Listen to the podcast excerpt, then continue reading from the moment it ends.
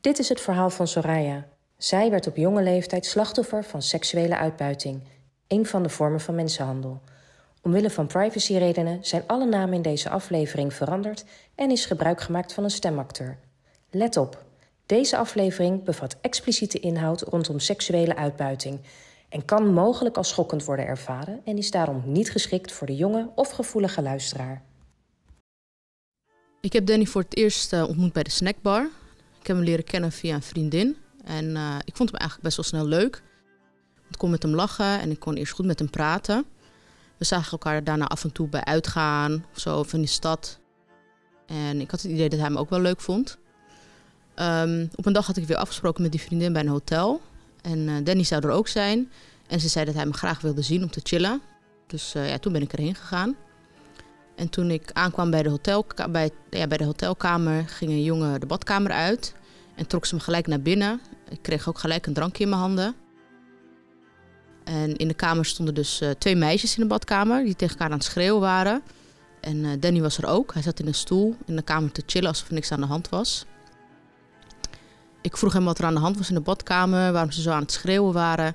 En uh, hij zei dat ik me niet druk moest maken en dat het niks voorstelde. Hij vroeg of ik bij hem kwam zitten en wat we straks gingen doen.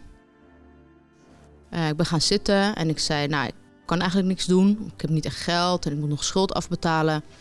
Waarop hij zei dat hij erover had nagedacht en uh, wel een oplossing had. Um, geef me je tas en telefoon, zei hij. Het was best dwingend, dus ik durfde niet echt nee te zeggen. Ik gaf hem mijn spullen en opeens zei hij, kleed je uit. Mijn hart bonkte toen zo erg. Maar hij bleef me gewoon strak aankijken en zei alleen uitkleden. Ik wilde dat niet en vroeg mijn tas en telefoon terug. Um, ik was zo bang en ik wilde gewoon weg. Um, maar de twee dames die eerst ruzie hadden in een badkamer, die waren ondertussen voor de deur gaan staan van de kamer. En hij schreeuwde tegen me: Je gaat nu niet meer uit de hotelkamer. En als jij naar die deur gaat en als je nu niet uitkleedt, sla ik je in elkaar met deze lamp. Ja, ik weigerde eerst. Ze hebben me toen geslagen en uitgescholden. Ik was echt bang. Hij zei: Je hebt toch geld nodig? Je gaat van mij werken en geld verdienen. Ik kon niet anders, want anders zouden ze me weer gaan slaan. Dus ik heb me toen maar uitgekleed en alles had gedaan wat ze vroegen.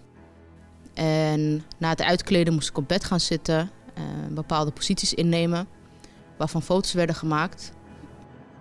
Daarna heeft hij seks met mij gehad en dat is toen ook gefilmd.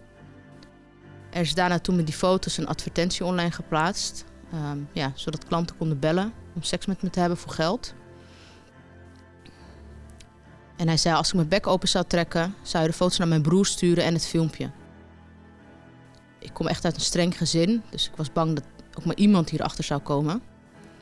En hij heeft toen eigenlijk gelijk een afspraak voor mij geregeld met een klant in een ander hotel. Ik wilde dat niet, um, ik verzette me tegen, maar hij zei dat hij de foto's en het filmpje zou sturen naar iedereen die ik kende me echt niets in mijn hoofd moest halen. Ja, ik durfde dus niks te doen, want hij had mijn telefoon en mijn spullen. Um, hij heeft me toen naar die andere plek gebracht, naar het andere hotel, om naar die klant te gaan. En hij heeft beneden bij het hotel gewacht tot ik naar buiten zou komen met het geld. In de hotelkamer heb ik toen de seksuele handelingen bij de klant, verricht, um, waar ik geld voor heb gekregen. En dat hele bedrag heb ik toen aan Danny moeten afstaan. En het bleek dus dat die vriendin van mij hetzelfde werk deed voor hem. Ja, zo is het dus allemaal begonnen. Ik heb uh, meerdere malen klanten gehad. En hij wordt soms heel agressief als ik te weinig had verdiend. Um, op een paar plekken heb ik nog steeds littekens. Maar hij was soms ook heel lief. Dan had hij nieuwe kleding voor me gekocht. En dan hadden we samen een gezellige avond. En dan zei hij van ja, dat we dit doen voor onze toekomst, hè, samen. En met het geld, dat we met geld zouden zijn en zonder stress. En dat het zou ophouden als ik genoeg geld had verdiend om mijn schulden en ook die van hem af te betalen.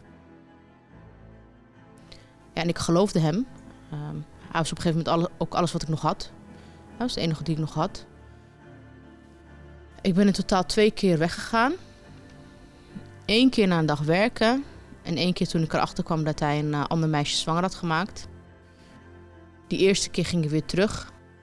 Maar nadat ik de tweede keer was weggelopen, vond hij me en zei hij: Als je ooit weer vlucht, vind ik je en vermoord ik je. Of hij dreigde mijn zusje iets aan te doen, want hij wist waar ze op school zat en zo. Ook dreigde hij dat ik mijn familie nooit meer terug zou zien. Als ik bijvoorbeeld ongesteld was en zei dat ik niet kon werken, ja, dan moest ik maar een spons gebruiken of zo, zodat ik seks kon hebben. Uiteindelijk is er een politieingeval geweest toen ik een afspraak had op een hotelkamer met een klant. Maar het bleek dat deze klant politie was. En uiteindelijk heb ik alles durven te vertellen en zijn Danny en mijn vriendin opgepakt. Ik heb nog steeds hulp om alles te verwerken en echt iemand vertrouwen zal ik nooit meer. Maar ik heb wel mijn leven weer opgepakt. Ik werk nu bij een supermarkt en ik heb gelukkig weer contact met mijn familie. De podcastserie Samen tegen Mensenhandel is gemaakt door GGD Haaglanden in opdracht van de gemeente Den Haag. In samenwerking met Shop, AFIM, Comencia, Stevig en het Openbaar Ministerie voor de Haagse Week tegen Mensenhandel. Wil je meer weten over mensenhandel? Kijk op mensenhandelhaaglanden.nl.